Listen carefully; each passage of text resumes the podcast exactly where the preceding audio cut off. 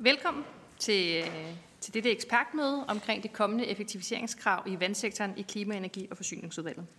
Jeg vil gerne byde velkommen til vores oplægsholder, og til medlemmerne af udvalget, og til alle af jer, der følger med øh, her fysisk eller på nettet. Jeg hedder Marianne Bigum. Jeg er næstformand øh, for Klima-, Energi- og Forsyningsudvalget, og jeg vil lede os igennem dagens møde. Øh, regeringen forventer nemlig inden længe at fremsætte et lovforslag, som har betydning for den økonomiske regulering af vandsektoren, og en række centrale aktører, hvoraf nogle af jer er repræsenteret i dag, har udtrykt bekymring for det her kommende lovforslag og dets betydning for sektoren, og det vil vi gerne høre mere om. Så formålet med det her ekspertmøde, det er at blive klogere på jeres bekymringer, øh, så udvalget er klædt godt på, når vi skal behandle lovforslaget øh, senere. Vi har tre oplægsholdere øh, fra de tre organisationer med i dag, for henholdsvis HOFOR, Danva og Danske Vandværker. Og efter oplæggene vil der være mulighed for, at udvalgsmedlemmerne kan øh, stille spørgsmål til oplægsholderne. Og så vil jeg sige, at vi har deltagelse på udvalget fra Lea Wermelind fra Socialdemokraterne, Søren Ikke Rasmussen fra Enhedslisten, og så har vi også med på Teams, så har vi Bjarne Lausten fra Socialdemokraterne og Mona Jul fra De Konservative. Og jeg selv er fra SF.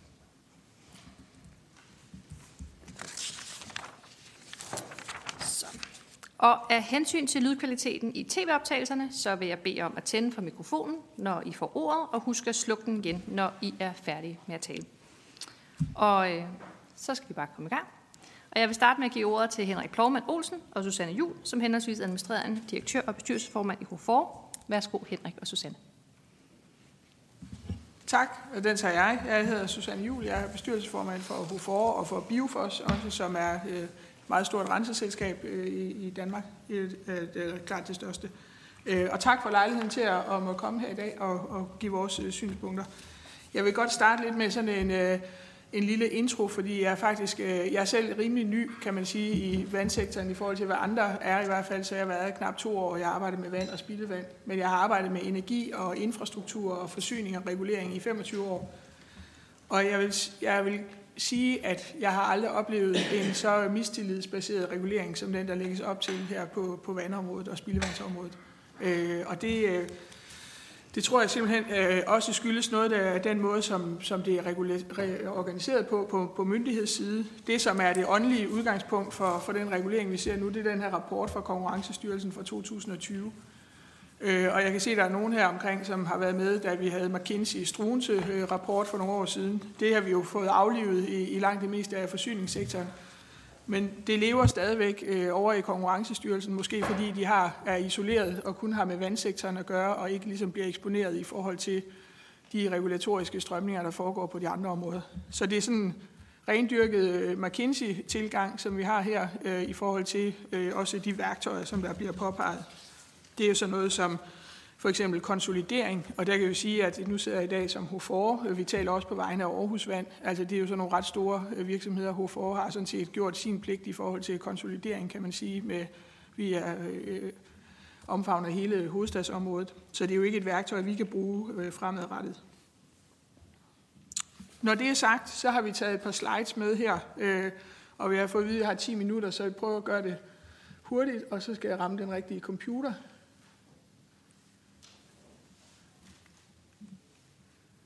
Øh.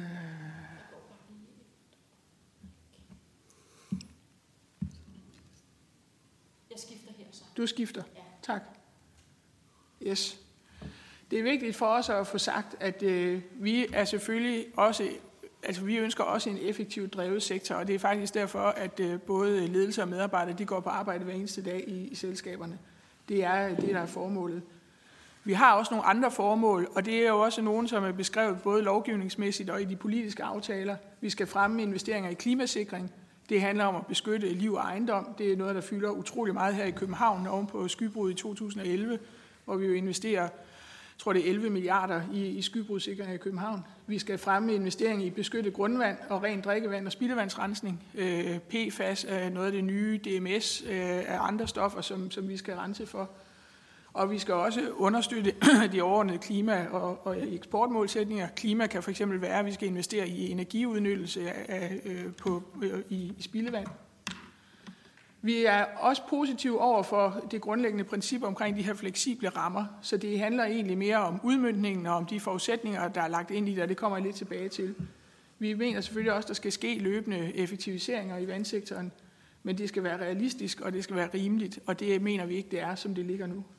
Vi kan ikke løfte de store anlægsopgaver, som der ligger foran os i forhold til de politiske ønsker, hvis rammerne reguleres, som det er foreslået her. Øh, vi vil godt have en regulering, der mere ligner den, øh, hvad man har over på elsiden, øh, og, og man skal selvfølgelig respektere, at vi er hvile i sig selv område. Altså vandsektoren er det mindst kommercielle af alle forsyningsområderne. Altså både, øh, man kan sige, at der på varme er der, det, det ligner, men, men, men vand er jo særskilt øh, håndfast øh, reguleret, og det er godt på det her område. Vi må gøre en skifte.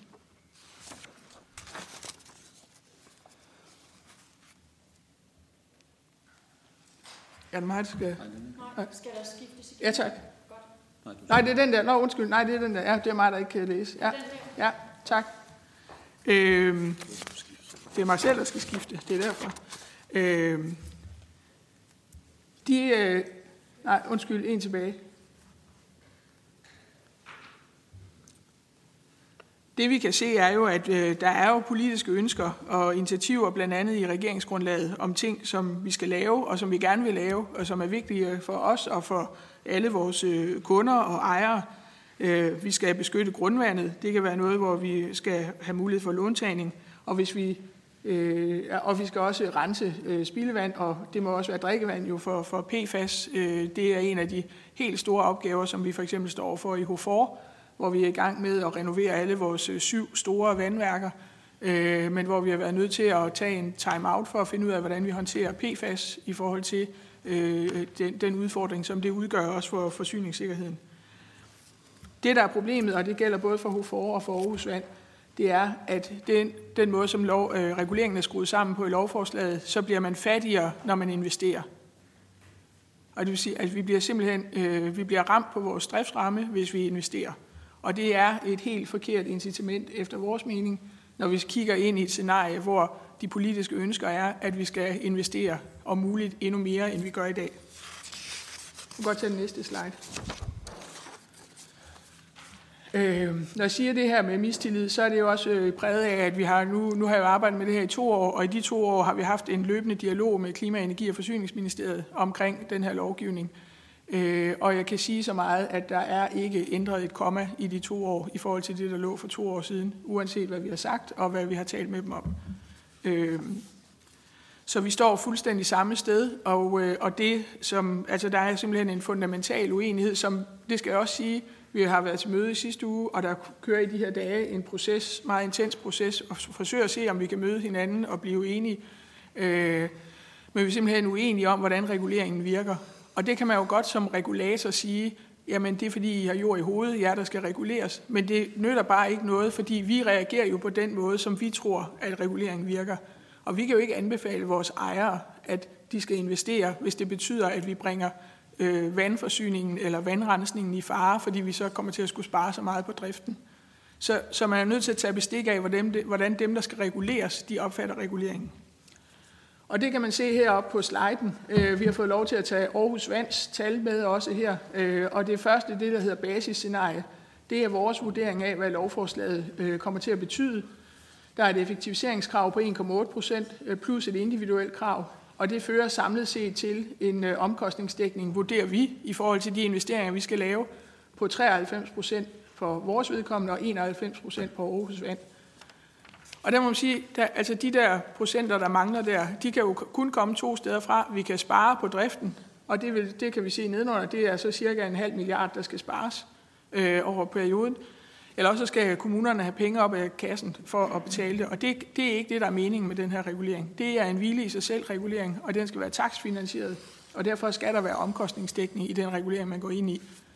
Øhm, vi har driftsomkostninger i perioden på 1,8 milliarder, både i, i HOFOR og i Aarhus Vand, og for begge selskaber vil det betyde øh, et underskud over perioden på en halv milliard. Øh, og det, det er jo så et yderligere effektiviseringskrav på de her 8-9 procent, og en yderligere øh, forgældning. Og det kan man sige, det er jo også et af kan man sige, McKinsey-elementerne i det her, det er jo, at øh, det er virkelig godt, at vi bliver forgældet noget mere. Det er et mål i sig selv, at vi skal have mere gæld. Øh, og det er faktisk noget af det, der vejer rigtig tungt. Hvis vi ser de tre punkter, der står nede under med isoleret set, det er, det er de tre ting, som vi har fokuseret på, også over for ministeriet nu.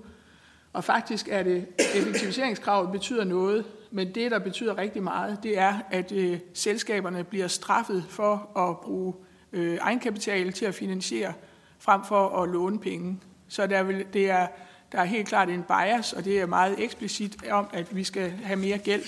Og det er ud fra sådan en, en øh, privat virksomhedslogik om, at gæld er godt, og gæld er disciplinerende. Øh, hvis man har nogle banker på nakken, så, øh, så, så bliver man mere effektiv.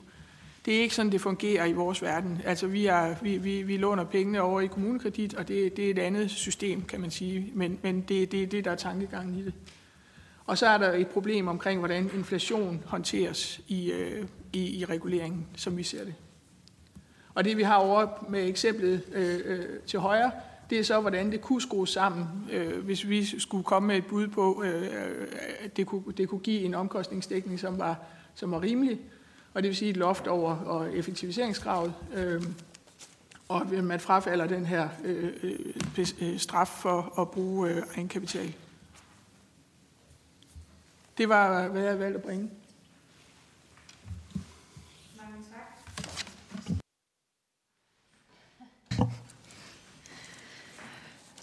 Mange tak, Susanne. Øhm, så vil jeg give ordet til Karl Emil Larsen og Bertel Iversen, som henholdsvis øhm, CEO og fagleder i Danmark. Tak skal du have, og det bliver Karl Emil, der siger noget nu, og så har jeg en med, hvis I stiller nogle grimme spørgsmål bagefter. Så tusind tak for invitationen.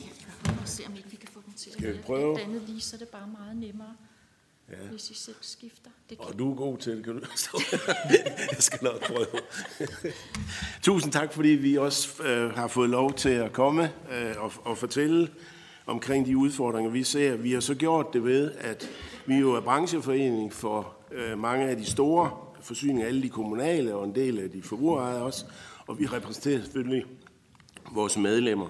Og jeg har to cases med, dels fra Aarhus Vand, jeg skal nok lade være med at gentage det, Susanne allerede har øh, nævnt, og så tre forvand øh, omkring et, et vandværk i middelfart. Fordi det er ikke kun klimatilpasning, det er også spildevand, det er også drikkevand, der bliver ramt af, af de her øh, udfordringer. Nu skal jeg se, om jeg kan få den til at virke. Jeg skal, skal jeg skifte her så? Ja, det tror jeg. Øhm, jeg vil godt starte med at indføre tre helt centrale udfordringer, som ligger ved det her foreliggende lovforslag. Altså om effektiviseringskrav på allerede afholdte omkostninger, som der er tale om her på investeringer. Øhm, det, det kan reelt først, man kan først hente det den dag, de bliver skiftet. Og hovedparten af de levetider, der er for vandsektoren, det er 75 år. Så der går altså 75 år, før vi reelt kan finde, prøve at gøre det mere effektivt. Den anden del af historien, det er, at to tredjedel af investeringerne, eller af omkostningerne i selskab afskrivende, det rent faktisk tilhører de her investeringer. Og, og det, den der historie med, at fordi det er på hele indtægtsrammen, så kan man godt jævne det ud, den holder ikke. Det betyder, at effektivisering reelt skal findes på en tredjedel af omkostningsbasen, for det er det, der er tilbage. Det er driften. Det betyder, at et effektiviseringskrav, der måske ser fornuftigt ud på 2, det bliver til 6. Et effektiviseringskrav på 4 procent, det bliver til 12 procent. Og det kan, simpelthen, det kan man ikke blive ved med at hente efter 10 år med regulering. Det er altså også en del af det. Og så vil jeg også lige nævne den her økonomiske straf. Øh, man kan sige, at det, man får en straf for, det er faktisk, hvis man ikke låner mere, end der er behov for. Det kan lyde helt paradoxalt, men det, man lægger op til i den her regulering, det er en meget, meget aggressiv lånefinansiering, som er nødvendig for, at man kan dokumentere den her meget høje omkostningsdækning, som har været et af udgangspunkterne for hele debatten. Det var, at med den nuværende regulering, der er der ikke omkostningsdækning, men for at opnå det, så er man nødt til at lave en meget aggressiv låneoptag. Og der har man så sat et mål, der hedder 70 procent. Og det holder ikke på den lange bane. Det, det kan man ikke blive ved med at låne så meget. Det er så noget helt andet. Øhm, og det er så f- forkerte incitamenter, så man låner simpelthen for meget, og hvis man ikke låner, så får man de her strafrenter. Så er der det sidste punkt, det er omkring inflationen, det er, at indtægtsrammerne de nødvendigvis må korrigeres for inflation. Og vi har sådan set glemt, hvor stort et problem inflation var, fordi det har vi ikke haft problemer med de sidste mange år. Men jeg skal da lov for, vi er blevet mindet om det de sidste to år. Og derfor så synes vi, det er uforsvarligt at lave en økonomisk regulering af en sektor, hvor man ikke korrigerer for inflation. Det sker ikke andre steder. Det er kun i vandsektoren, som reguleres helt specielt. Og man kan sige, at de tre centrale udfordringer her, de spiller ind på forskellige vis hos vores medlemsvirksomheder, og i kombination, så er det dem, der sætter barriere for at gennemføre nødvendige investeringer, eller sætte selskaberne under et rigtig, rigtig hårdt økonomisk pres. Og det vil jeg prøve at illustrere med to cases. Jeg prøver lige igen. Sådan, hop, det lykkedes. Aarhus Rewater, som er den første case, det er et nyt renseanlæg, eller ressourceanlæg, som det hedder på nydansk. Øh, det er placeret optimalt i forhold til kloakoplandet, tæt på udløbet for Aarhus Å, og det vil sige, så er det rigtig optimalt også i forhold til energiforbrug med så lidt pumpning som overhovedet muligt. Prøver lige en til. Vil du skifte igen så? Ja. Øh, det nye anlæg, det skal erstatte tre eksisterende og udtjente anlæg, Aarhus Vand er faktisk allerede nu presset i forhold til at reducere belastningen af både Aarhus Å, men ikke mindst også Aarhus Bugt. De er også presset af klimatilpasning og en byudvikling, som har er en vækst på 5.000 øh, indbyggere om året, og det har faktisk været en årrække. Så man er simpelthen ude over, hvad de eksisterende renseanlæg kan håndtere. Både i forhold til spildevandsmængde, men også i forhold til den belastning, der er Aarhus Bugt, på øh, NOP, øh, og der er ingen tvivl om, når vi begynder at tale om miljøfarlige stoffer og så videre, jamen så er man nødt til at have nogle andre renseteknologier i spil. Øhm, og hvis man ser på økonomien, og det vil jeg så gøre relativt kort, fordi det har vi været igennem, det er det samme, ligner utrolig meget tabellen der, så det er rigtig fint. Øh, man kan sige, øh, det der, er, det der er at sige, det er, at jeg ved, at bestyrelsen i Aarhus Vand, de hælder PT til den løsning og sige, den forkerte løsning kan man sige, fordi det er at udbygge og de eksisterende anlæg, som vil være dyrere, det er dokumenteret, det vil være en dårligere løsning, renseløsning for Aarhus Bugt, men man tør simpelthen ikke at tage den risiko og gældsætte selskabet med den her halve milliard og i øvrigt stavnsbinde kommende bestyrelser, fordi det er det, der også vil ske. Der vil ikke være et råderum for kommende øh, ledelse af Aarhus Vand. Og man kan sige, at konsekvensen er oven i købet, at det bliver dyrere for forbrugerne, og det kan jeg ikke se, at der er nogen, der kan være tjent med. Øh, den anden case... Jeg skifter her. Tak. Det er som sagt et, et vandværk i middelfart øh, hos, øh, hos forsyningsselskabet Treforvand, øh, og du må gerne skifte en gang til.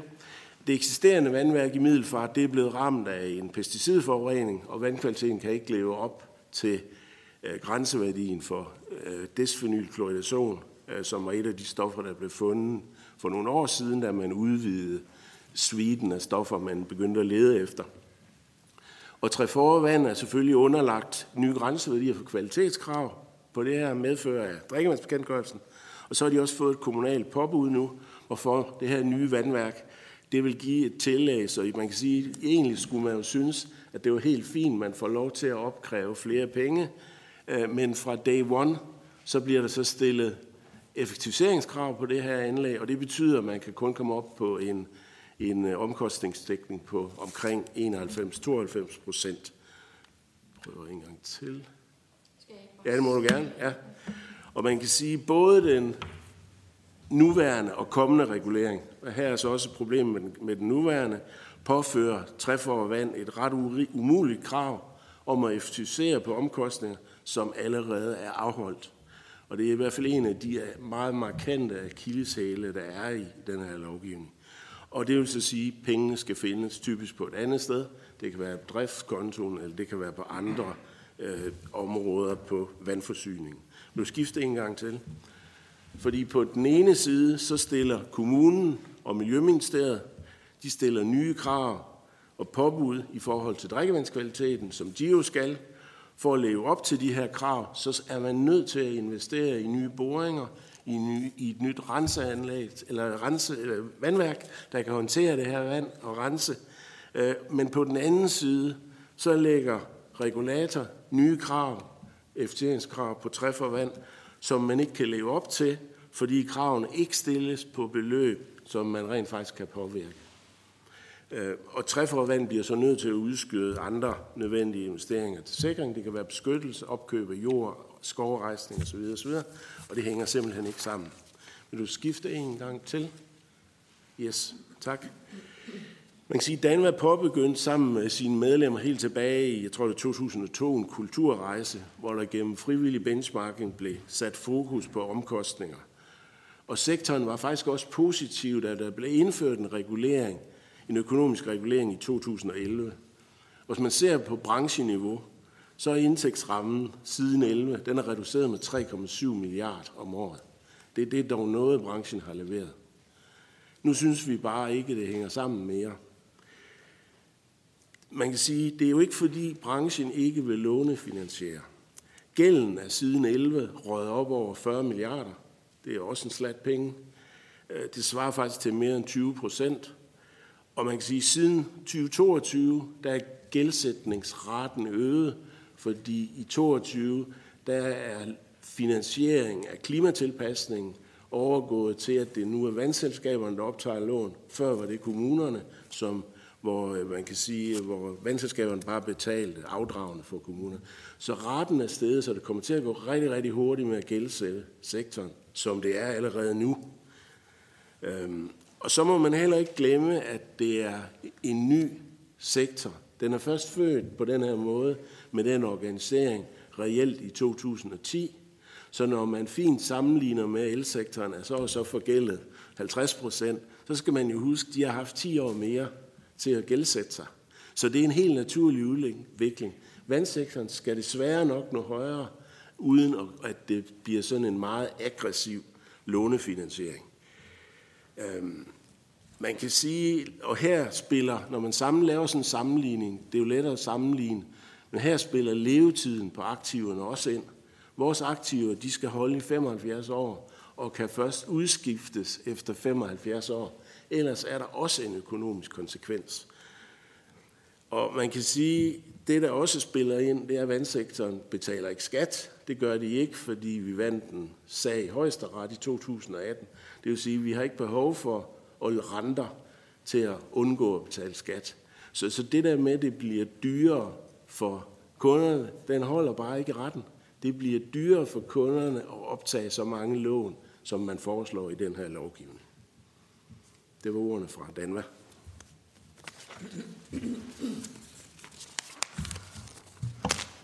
Tusind tak, Karl Emil. Øh, så vil jeg give ordet til Michael Hovmand og øh, Susanne Mønster, øh, undskyld, Susanne Mønster, som henholdsvis økonomichef og, polit, øh, politi, økonomichef og direktør i Danske Vandværker. Værsgo. Tak for det, og også tak for, at vi får lov at komme.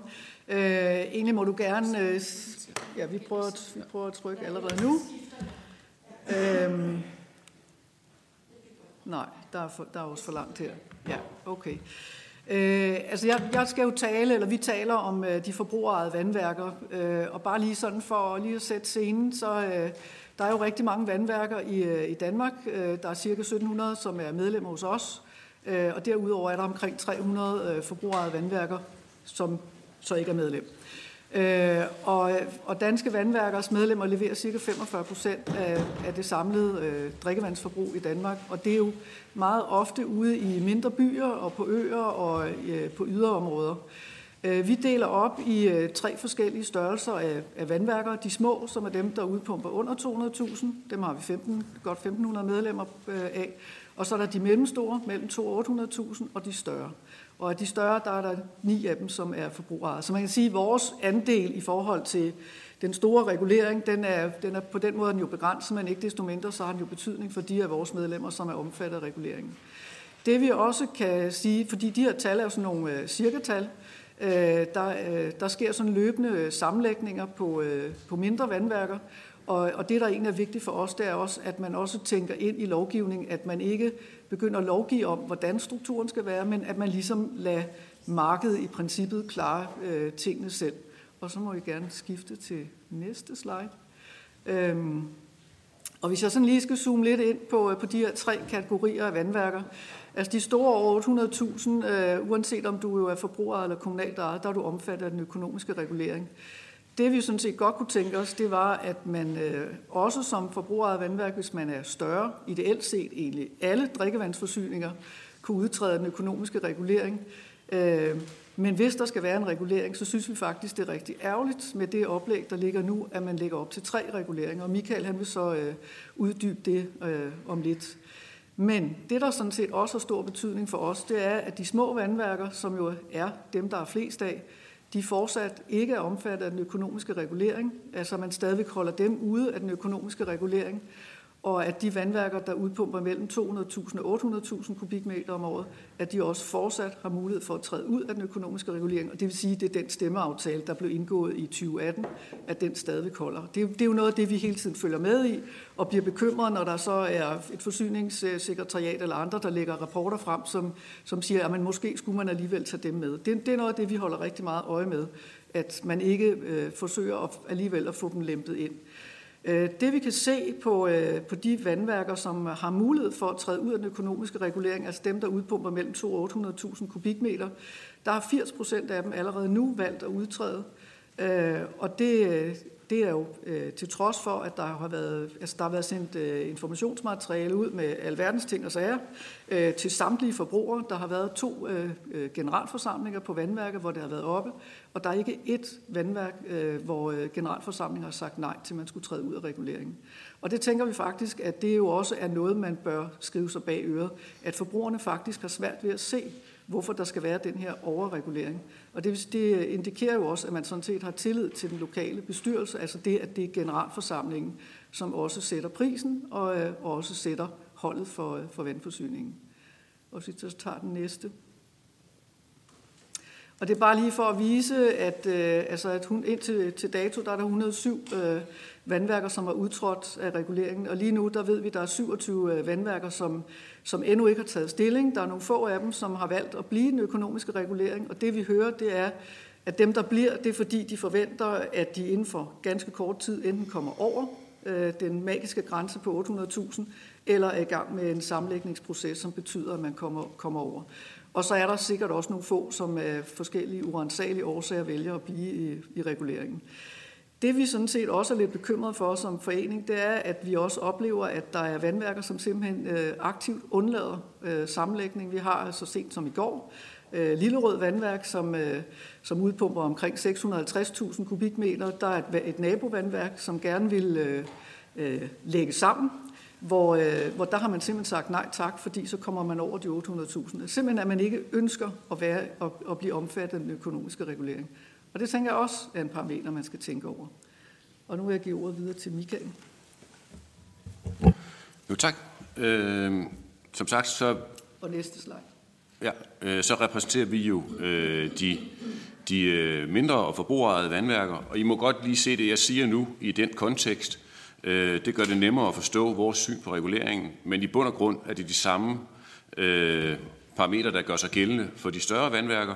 Men hvis vi lige i det gennemgår nu til at starte med, tænker øh, ud fra et forbrugerejet vandværk, øh, hvordan ser vi så reguleringen? Jamen, øh, og hvorfor er det, at den her regulering ikke er kommet til at virke, og hvorfor er det også, at den, I laver efterfølgende, eller den, der bliver lavet efterfølgende, heller ikke kommer til at virke? Lige nu, der er øh, hvile sig princippet det bliver glemt meget, når man snakker øh, vandsektorlov, fordi det står i vandforsyningsloven. Men hvile sig princippet øh, som der også tidligere nævnt, det betyder jo, at der kan ikke tages penge ud af sektoren. Øh, der er ikke nogen profit eller noget, man skal, skal tage sig af. Så er der de øh, fleksible indtægtsrammer, som øh, kommer i den her nye regulering. For mig at se, så er det sådan set bare at hvile sig selv i øh, intervaller. Øh, jeg ved ikke, om det er fordi, at øh, det er kommunerne, der kontrollerer det ene, og forsyningssekretariatet skal kontrollere det andet, at man gerne vil have to. Det synes vi i hvert fald er lidt uhensigtsmæssigt.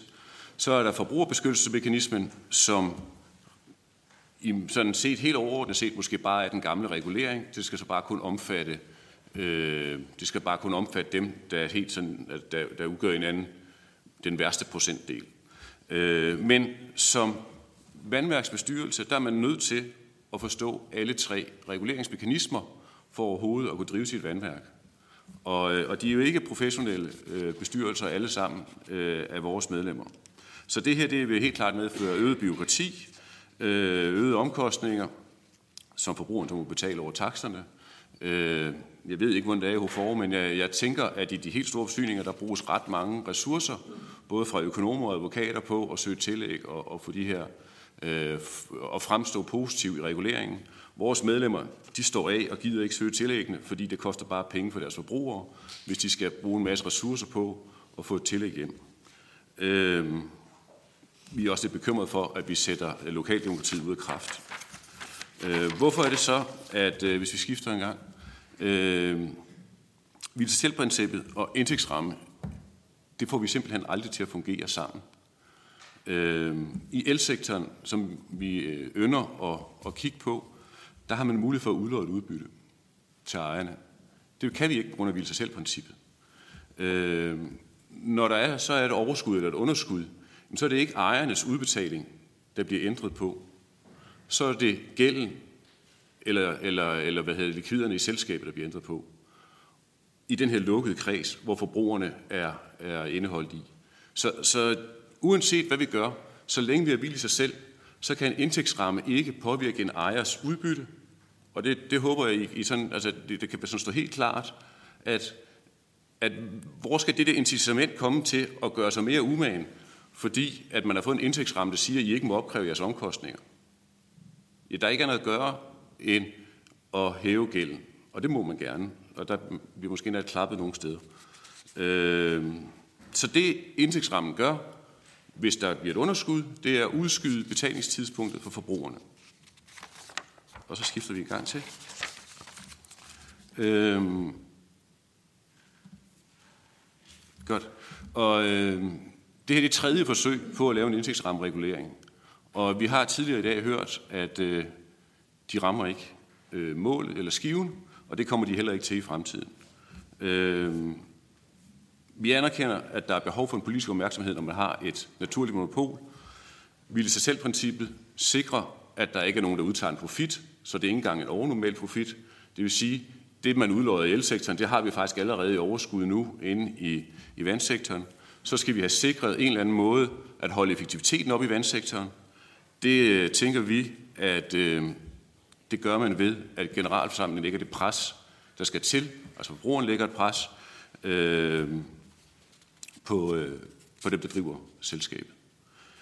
Der kan være behov for at øge gennemsigtigheden for generalforsamlingen og forbrugerne. Det er sådan set de samme ejere og forbrugere. Øh, og det er der, vi tænker, at de her benchmark eller nøgletal, der arbejdes med, at de kan bidrage positivt til, at, øh, at vi kan få lagt det pres på, på, øh, på selskaberne. Øh, så vi foreslår, at der indføres nogle nøgletal, simple nøgletal, hvis vi skifter en gang, Øh, og, så, og så vil øh, generalforsamlingen være regulator i forhold til effektiviteten, i forhold til profitten. Den har vi jo allerede reguleret i vildt selvprincip. Øh, så kunne man lave nogle nøgletal, hvor der var nogle økonomiske nøgletal, nogle nøgletal på, i forhold til den grønne omstilling, så, så, så ejerne og forbrugerne også kan være med til at påvirke det i den rigtige retning her. Lidt omkring forsyningssikkerhed, lidt omkring øh, vandtab og vandkvalitet. Det er nogle af de parametre, som man ikke har formået at få med i den regulering, som der bliver fremlagt nu her, men som man jo har ville arbejde med fra, fra politisk hold. Øh, men det er, er frygtelig svært at få ind i en indtægtsrammeregulering og ramme præcist. Der tror vi på, at den mest præcise til at vurdere det, det er forbrugeren på generalforsamling. Det er nok dem, der bedst ved, hvad for, et, øh, hvad for nogle ting, de ønsker sig. Var det ikke? Yes. Ja, godt. Øh, Ja, vores konklusion er tre typer regulering. Det medfører simpelthen øh, unødvendig byråkrati. Øh, vi ønsker at bevare hvile selv-princippet. Vi ønsker en simpel benchmark. Øh, og vi vil gerne have, at øh, vi holder fast i stemmeaftalen, der gør, at de, de mindre kan melde sig ud. Øh, og i tid så bør alle forbrugere af vandværk kunne udmeldes af regulering, eller kunne træde ud af den økonomiske regulering. Så holder vi os næsten inden for tiden. Ikke?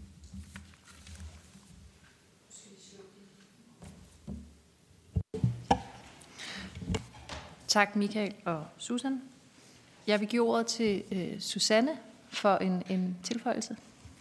Tak. Jeg vil bare sige, det, øh, det her illustrerer jo også rigtig godt, at vi er, vi er en meget øh, øh, øh forskellig artet branche. Øh, vi er øh, altså i, i Hofor, altså her danske vandværker, så er en store, når man er 800-900.000 kubikmeter, og vi har 55 millioner kubikmeter vand om året. Så vi er Øh, en anden størrelse, og vi anerkender også, at der skal være økonomisk regulering. Det, det, det er vi med på, og, vi, og vi, det står også, altså, øh, vi kan sagtens se, at de fleksible indtægtsrammer kan fungere.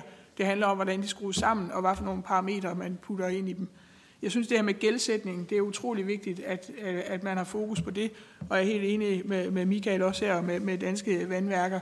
Øh, jeg synes, det er en rigtig god pointe, det her med, at man øh, i virkeligheden er ønsket, at man skal have en større samtidighed mellem dem, som øh, har gavn af investeringerne, og dem, som betaler for investeringerne. Det er ønsket fra regulators side. Derfor vil man ikke have, at man laver henlæggelser og sparer op til at lave investeringerne. Man skal låne til dem. Men det er jo rigtigt, hvad Michael siger, at det man risikerer i stedet for, det er, at vi opbygger så store underskud, at vi er nødt til at låne til driften. Og så bliver det i virkeligheden bare noget, vi skubber foran os en eller anden byrde. Og jeg tror måske også, at det er opstået i et scenarie, hvor ligesom at vi har glemt inflation, så har vi også glemt, at der var noget, der hedder renter. Øh, fordi vi opbygger også en enorm rentefølsomhed i den her sektor øh, ind i et øh, hvile i sig selv regime. Og så havde jeg lige en ting mere, jeg vil sige. Øh, der er nogen, der kunne mene, at kan vi ikke bare sætte det her i værk, og så finder vi den her lovgivning, og så finder vi ud af, hvordan det fungerer, og evaluerer den. Og der må man sige, at den mistillid, jeg talte om før, den er 100% gensidig. Så derfor, hvis det øh, bliver øh, fremlagt, som det ligger her, så vil vi foretrække den regulering, vi har i dag. Det er vi, det er vi faktisk ikke i tvivl om. Vi ønsker ikke den nye regulering med, de, øh, med det setup, som, som der er lagt op til her. Øh, de tre forhold, som vi har nævnt omkring øh, effektiviseringskrav øh, og bruge, øh, altså gældsfinansiering og inflation, det skal, være, øh, det skal der være styr på, øh, for at vi kan bakke op om lovforslaget. Ja, nu ved jeg godt, at vi skal ikke stemme om det, men det er bare for at sige, at hvis vi skal anbefale vores ejere at lave investeringer under det her regime, så skal der, så skal der rettes op på det. Tak. Mange tak. Jeg åbner nu op for spørgsmål fra udvalgsmedlemmerne og øh, til vores oplægsholdere. Og når I får ordet, så må I gerne sige, til hvem I stiller øh, jeres spørgsmål til.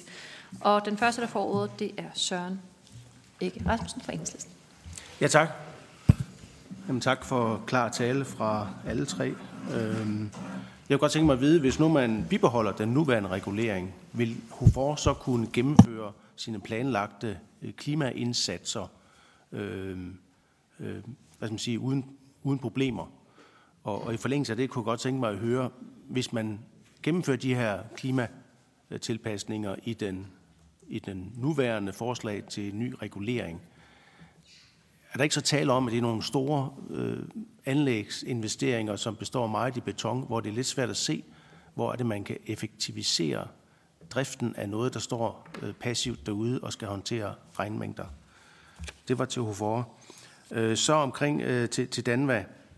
Øh, har I regnet på, hvis man tog den her inflationsparameter øh, ind i en ny regulering, om, om det er noget, der kunne øh, redde modellen, øh, hvis det er sådan, at, at man havde en kalkulation om det, vil, vil den der forrentning af investeringerne, vil, vil det så kunne hænge sammen? Og det andet, jeg har til Danmark, det er omkring øh, det med, med egenkapitalen, fordi indimellem støder jeg på, at, at der bliver påstået, at vandselskaberne har en, øh, en øget egenkapital. Det vil godt tænke mig at høre, om egenkapitalen øh, de seneste år har været stigende eller faldende. Og til danske vandværker, det I egentlig efterlyser, det er jo en eller anden åbenhedsmodel, hvor man så ude i det enkelte vandværks generalforsamling kan se, er der sammenlignelige vandværker, som gør mere eller mindre for drikkevandssikring, for øh, om, om de har, øh, hvad skal man sige, kulfilter, som, som renser noget af vandet, og så kunne sammenligne sin, sin egen drifts- og årsregnskab med noget, der er sammenligneligt. At det sådan skal forstås, at det sådan set bare er en inspiration frem for det er en, en håndfast regulering at, at de ønsker. Tak.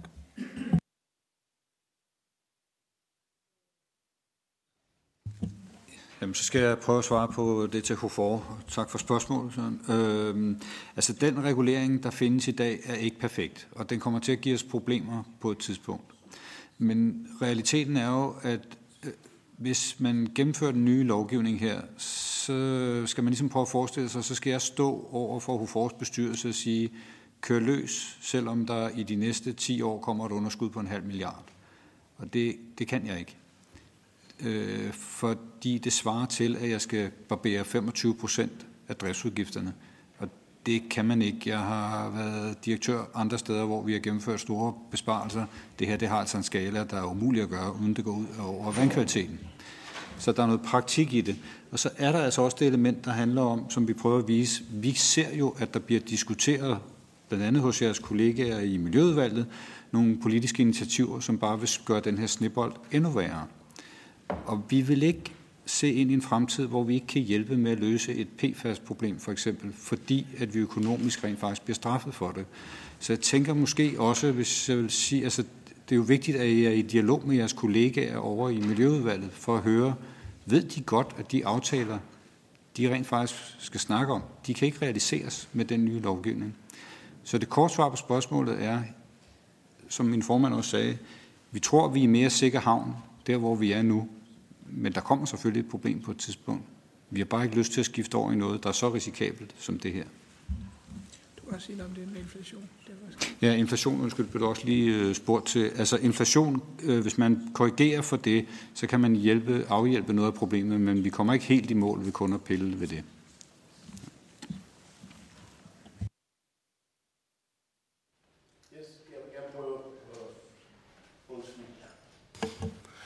Jeg vil gerne prøve at, at svare på det omkring egenkapital. Øh, det er rigtigt. Vi hører også, at den er opbygget og vi har også læst i aftalen fra 2018, at det er jo derfor, man vil opfordre til øget lånefinansiering. Det er for at undgå den her opbygning. Vi har prøvet at regne på det og opgjort, og vi kan faktisk se, at den er falden siden 2011. Øh, så man kan sige, hvis man skal læse den politiske aftale fra november 18 helt, hvis man læser sætningen færdig, så står der, så er der faktisk ikke behov for at lånefinansiere øh, på den måde, der er.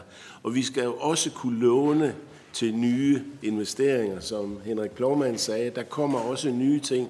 Så hvis vi udnytter hele... Vi kan jo ikke øh, låne 110 procent. Det er der ingen banker, der vil give os lov til. Vi er nødt til at tænke på fremtiden her. Så derfor, det er derfor, jeg har kaldt det en aggressiv strategi, man har valgt at sige 70 procent, og det skal bare gå hurtigt. Der er jo et helt forkert opfattelse omkring det der med egenkapital, fordi egenkapitalen i vandsektoren er ikke fri.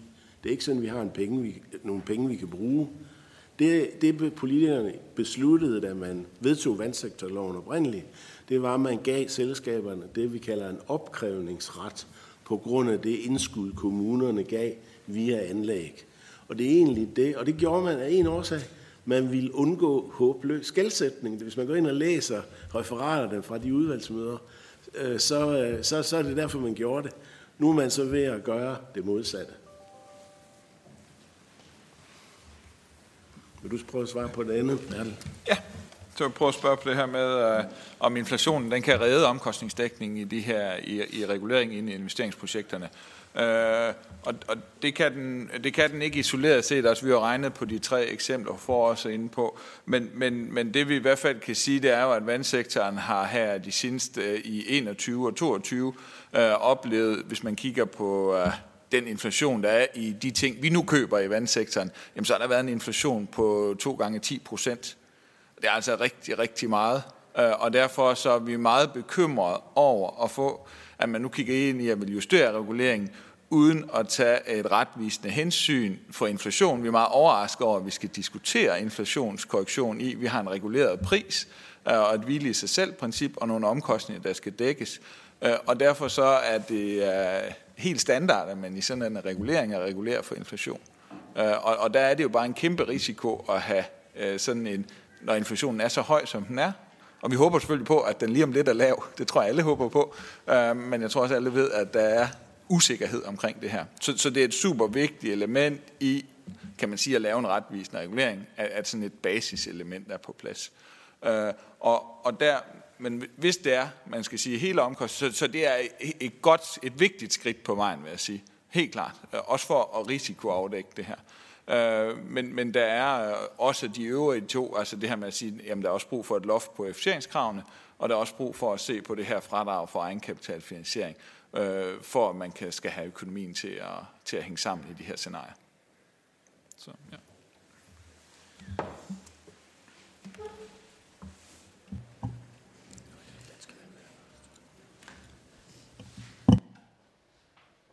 Øh, Jeg tænkte, selvom det måske mere var en kommentar, du kom med, Søren, så alligevel så øh, er altså netop en bekræftelse i, at jamen, vi synes sådan set ikke, at der er behov for at lave en masse økonomisk regulering, øh, for, også for, øh, for de forbrugere af vandværker, fordi det jo netop er på, øh, på generalforsamling, at, at forbrugerne sådan set kan gøre deres stemme gældende. Øh, men det, der sådan set er vigtigt, det er også, at man kan sammenligne sig med øh, de andre vandværker. Øh, hvor gør vi det godt? Hvor, er der, hvor skal vi stramme os an? Men faktisk også, når man så kigger i forhold til, til fremtidsscenarierne for, for det enkelte vandværk, jamen måske er det så nogle andre retninger, man skal gå i, i stedet for øh, at, at, at stadig at bedrive et, et lille vandværk, hvis der faktisk er nogle andre, som måske kan gøre det bedre. Så det der med ligesom at, at arbejde mere med gulerod end med pisk, øh, det, det er egentlig det, der er vores pointe.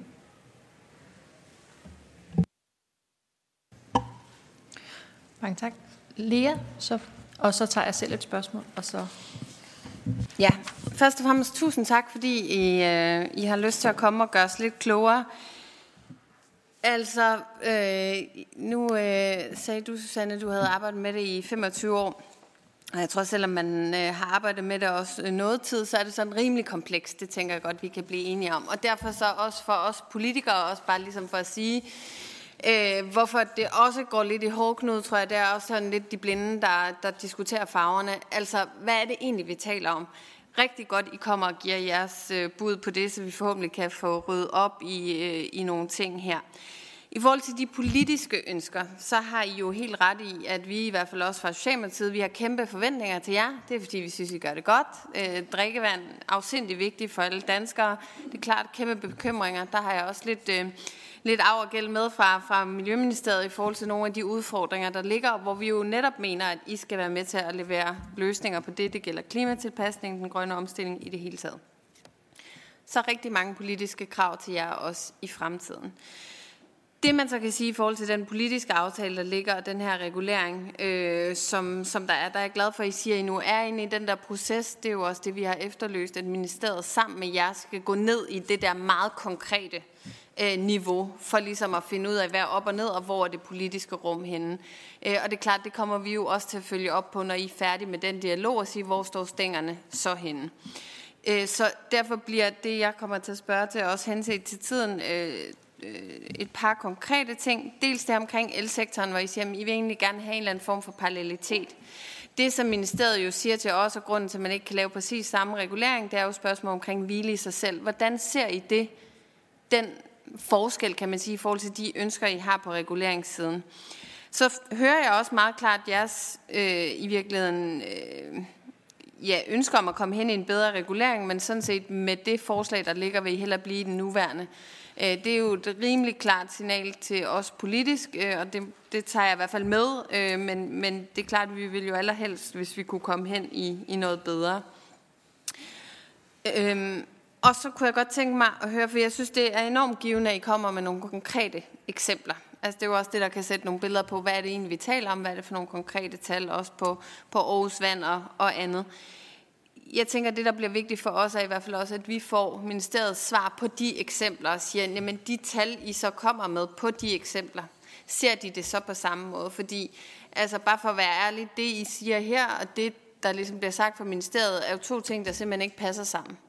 Så jeg tænker, at formålet for mødet, øh, med mødet for mig i dag har været at lytte på det, I hver især har sagt her, men jo også, at vi kan tage det med, sådan så man kan sige, at vi har et politisk mandat. Øh, men, men det, der er rigtig forvirrende for os, det er jo, når der bliver sagt forskellige ting om det samme. Så det, jeg tænker, at i første omgang må vi prøve at redde de tråde ud i hvert fald, sådan så vi kan finde frem til det politiske rum. Så ja, igen tak for, tak for at I gør os klogere.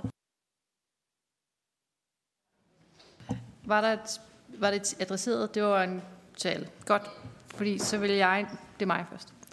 så har jeg nemlig... Øh, vi har lige to rækker, to spørger på, så vi øh, kan nå det hele.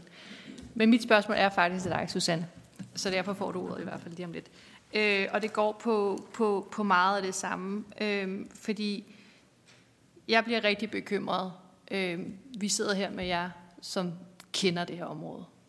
Og når du siger, at du aldrig har oplevet noget lignende, og man i to år har forsøgt en dialog, uden at der er blevet rykket et komma, så tænker jeg, at der er noget rivragrustende galt i den måde, som, som der bliver bedrevet politik på, øh, eller i hvert fald embedsværket. Og du åbner så lidt op på, og det lægger sig op af det, som, som, som Lea øh, siger med det her med, at er der så en politisk dialog i gang nu? Og det er egentlig mit spørgsmål til dig. Oplever du, der er det? Øh, eller hvad skal der mere til? Fordi jeg undrer mig rigtig meget over det. Eller jeg undrer mig ikke over det, fordi jeg har oplevet det samme i en fagholdsbranchen, alt talt, øh, hvor de har samme øvelser i gang. Øh, men oplever du en lydhed her og en dialog nu, eller hvor skal vi øh, hjælpe mere til? Tak for spørgsmålet. Jeg vil sige, at den tabel, som vi har med, hvor vi viser HOFOR og Aarhus Vand, øh, den tabel kunne vi også have lavet for to år siden. Øh, og det, det, det, det, det er derfor, jeg mener, at der ikke er, der ikke rigtig er lavet noget. Det kan være, at vi er blevet klogere på nogle ting, men, men det helt fundamentale modsætningsforhold i opfattelsen af, hvordan den her regulering vil, vil virke, det har ikke forrykket sig. Det jeg vil sige, og det er, øh, altså, øh, vi, vi oplever, at der er et ønske om nu også i forhold til, at man kan altså, få fremsat lovforslaget og få, få behandlet det, at, at nu, er, nu, bliver der, nu er der et tryk på, for om vi kan, vi, vi kan blive klogere på i hvert fald at vide, hvad vi er uenige i og, og forstå hinanden. Så, så der, er en, der er en seriøs proces i gang i de her dage. Øh, men hvordan den ender, det ved vi ikke. Jeg tror, der er næste møde. Altså, der er møder nærmest hver dag. Øh, vi, var, vi var inde til møde hos øh, ministeren i sidste uge, og det, altså, hvis jeg skal sige, er der en seriøs dialog, så det er det første gang, vi snakker med en minister, eh, med en minister om det i hvert fald. Så, så det er altså med, med klimaministeren om det. Så på den måde er der jo øh, fremdrift i det.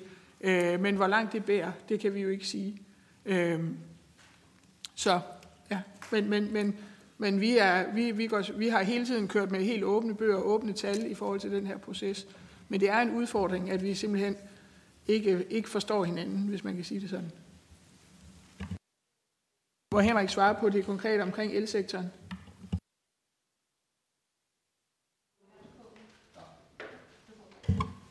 Tak.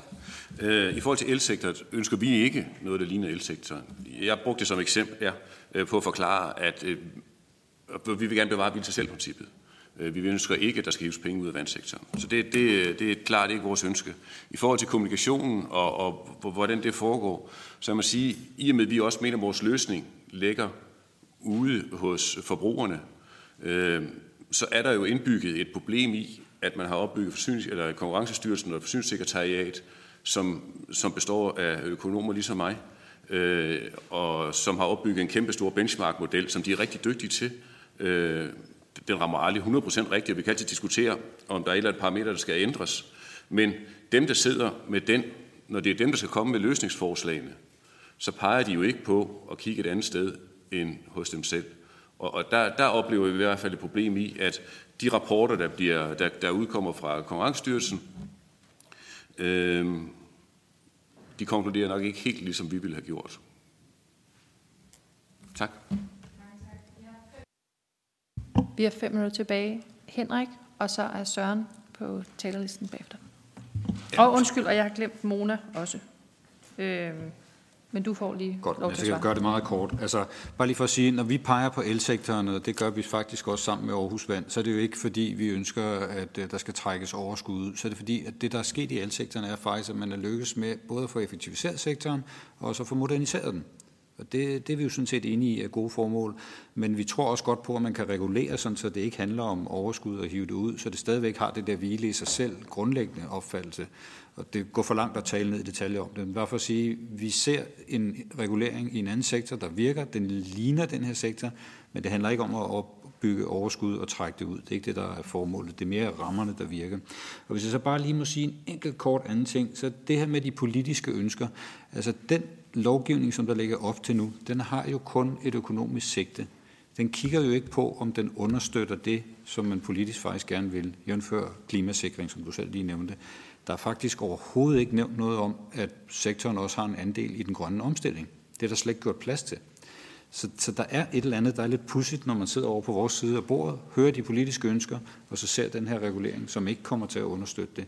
Og det er jo en del af vores øh, bekymring for fremtiden. Nu bliver det meget kort, men det er, sådan, det er inde i det rum, vi synes, det bliver meget, meget svært at agere som, øh, som selskaber, for vi vil jo faktisk gerne det samme som I. Vi oplever ikke, der er forskel på vores øh, ambitioner og jeres overhovedet. Mange tak. Så har vi to spørgere. Det er Mona Jul øh, fra De Konservative, som er på Teams, og så er det Søren bagefter. Super duper. Tak fordi jeg lige måtte øh, komme hurtigt til.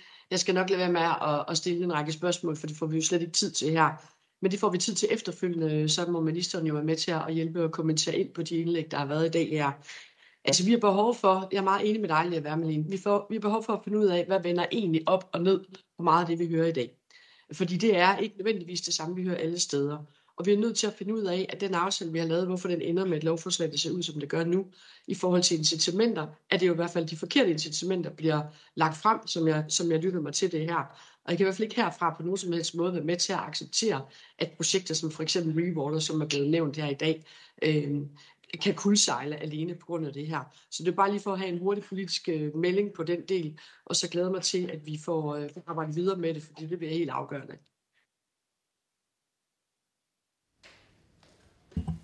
Ja, tak. Jeg har, jeg har et spørgsmål til Danva. Det er omkring øh, det, øh, I var inde på omkring, øh, at øh, efter skattefritagelsen har man jo ikke en øh, økonomisk fordel af en renteudgift. Er det noget, som, som, som er taget med, når, når ligesom at øh, man forsøger at, at vurdere forslaget til ny regulering? At, at man ikke har den fordel, som, som man har over i, i elsektoren. Det var den ene del. Så omkring Aarhus øh, Rewater. Altså, jeg synes jo, det er dybt alvorligt at, at få at vide, at hvis det er sådan, at man vedtager den nye regulering, så vil man øh, lappe videre på nogle eksisterende renseanlæg, i stedet for miljømæssigt at komme frem til en, en, en bedre løsning. Er der, er der bagvedliggende tal for, øh, hvor ringe miljømæssigt den løsning vil være i forhold til at, at lave et nyt renseanlæg? Fordi altså, når jeg kigger på det her, så det vi har behov for politisk, øh, det er jo ikke en ny, en ny økonomisk regulering. Det er sådan set at håndtere nogle miljøkrav til at sikre rent drikkevand som er omfattende, øh, hvor jeg mere tænker, jamen vandselskaberne skal have en aktiv rolle i forhold til skovrejsning og BNBO'erne og, og, og hele det, øh, det, det setup. Øh, og PFAS kommer så som en, et nyt problem. Øh, så jeg tror egentlig, at politisk vil, er der jo et, et meget bredt ønske om at sikre drikkevand, og så skal vi sidde her og, og kriges om øh, en ny økonomisk regulering, som vi skal forholde os til, fordi vi har et par politiske aftaler, som, som enhedslisten vedstår sig, men, men der må være forskellige måder at, og, hvad skal man sige, følge op på, på to aftaler. Hvis jeg starter med, med det omkring skat og renter og, og skattefradrag, der har vi fået lavet flere redegørelser. Vi har dels haft Deloitte til at lave en, vi har haft professor i finansiering Ken Beckmann fra CVS til at lave en, og øh, det er selvfølgelig sendt ind til Klima- og Energiministeriet. Og Ken Beckmanns øh, tilgang er jo, at omkring finansiering, at det er meget individuelt fra selskab til selskab. Men hans holdning er, at den måde, man gør det på i dag, balancerer og optimerer sit låneoptag. Det er den rigtige måde for vandsektoren. Og så siger han, det der normalt gør, at selskaber låner, optager lån, det er for at få et skatteskjold. Og da I ikke har det, så kan man jo sige, det er helt hen i vejret. Hele Finansministeriet skal i omskole hos mig, siger han. Det er hans meget direkte melding, ikke? Så, så ja, det har vi spillet ind, og også det omkring den her likviditetsklemme, vi har problematiseret. Den har vi jo haft eksperter til at optage lån. Og det sidste var, at man sagde fra øh, Klima- og Energiministeriets side, vi var ikke klar over, at finanstilsyns regler var sådan. Men ikke desto mindre, så er der ikke sket noget med det. Og det, det hænger sammen, det her, med, om, med likviditetsklemme og lån og skat osv. Det andet spørgsmål, der er jeg nødt til, jeg er sikker på, at der findes tal, men det, jeg har ikke tallene fra, fra, fra Aarhus Rewater og, der, og eventuelt den forskel, men det er jeg sikker på, at Aarhus Vand meget gerne vil sende frem til jer. Så det, det vil jeg bede dem om at gøre. Sende det til udvalg, så I har det i det videre arbejde.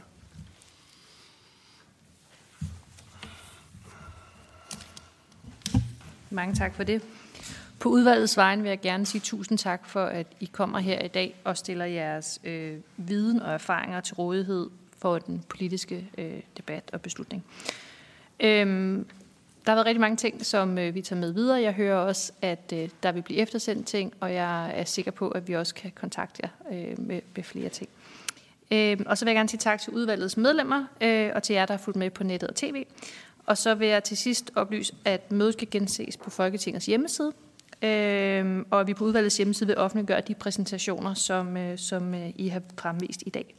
Så med disse ord, så vil jeg gerne sige tak, og så slutter vi mødet.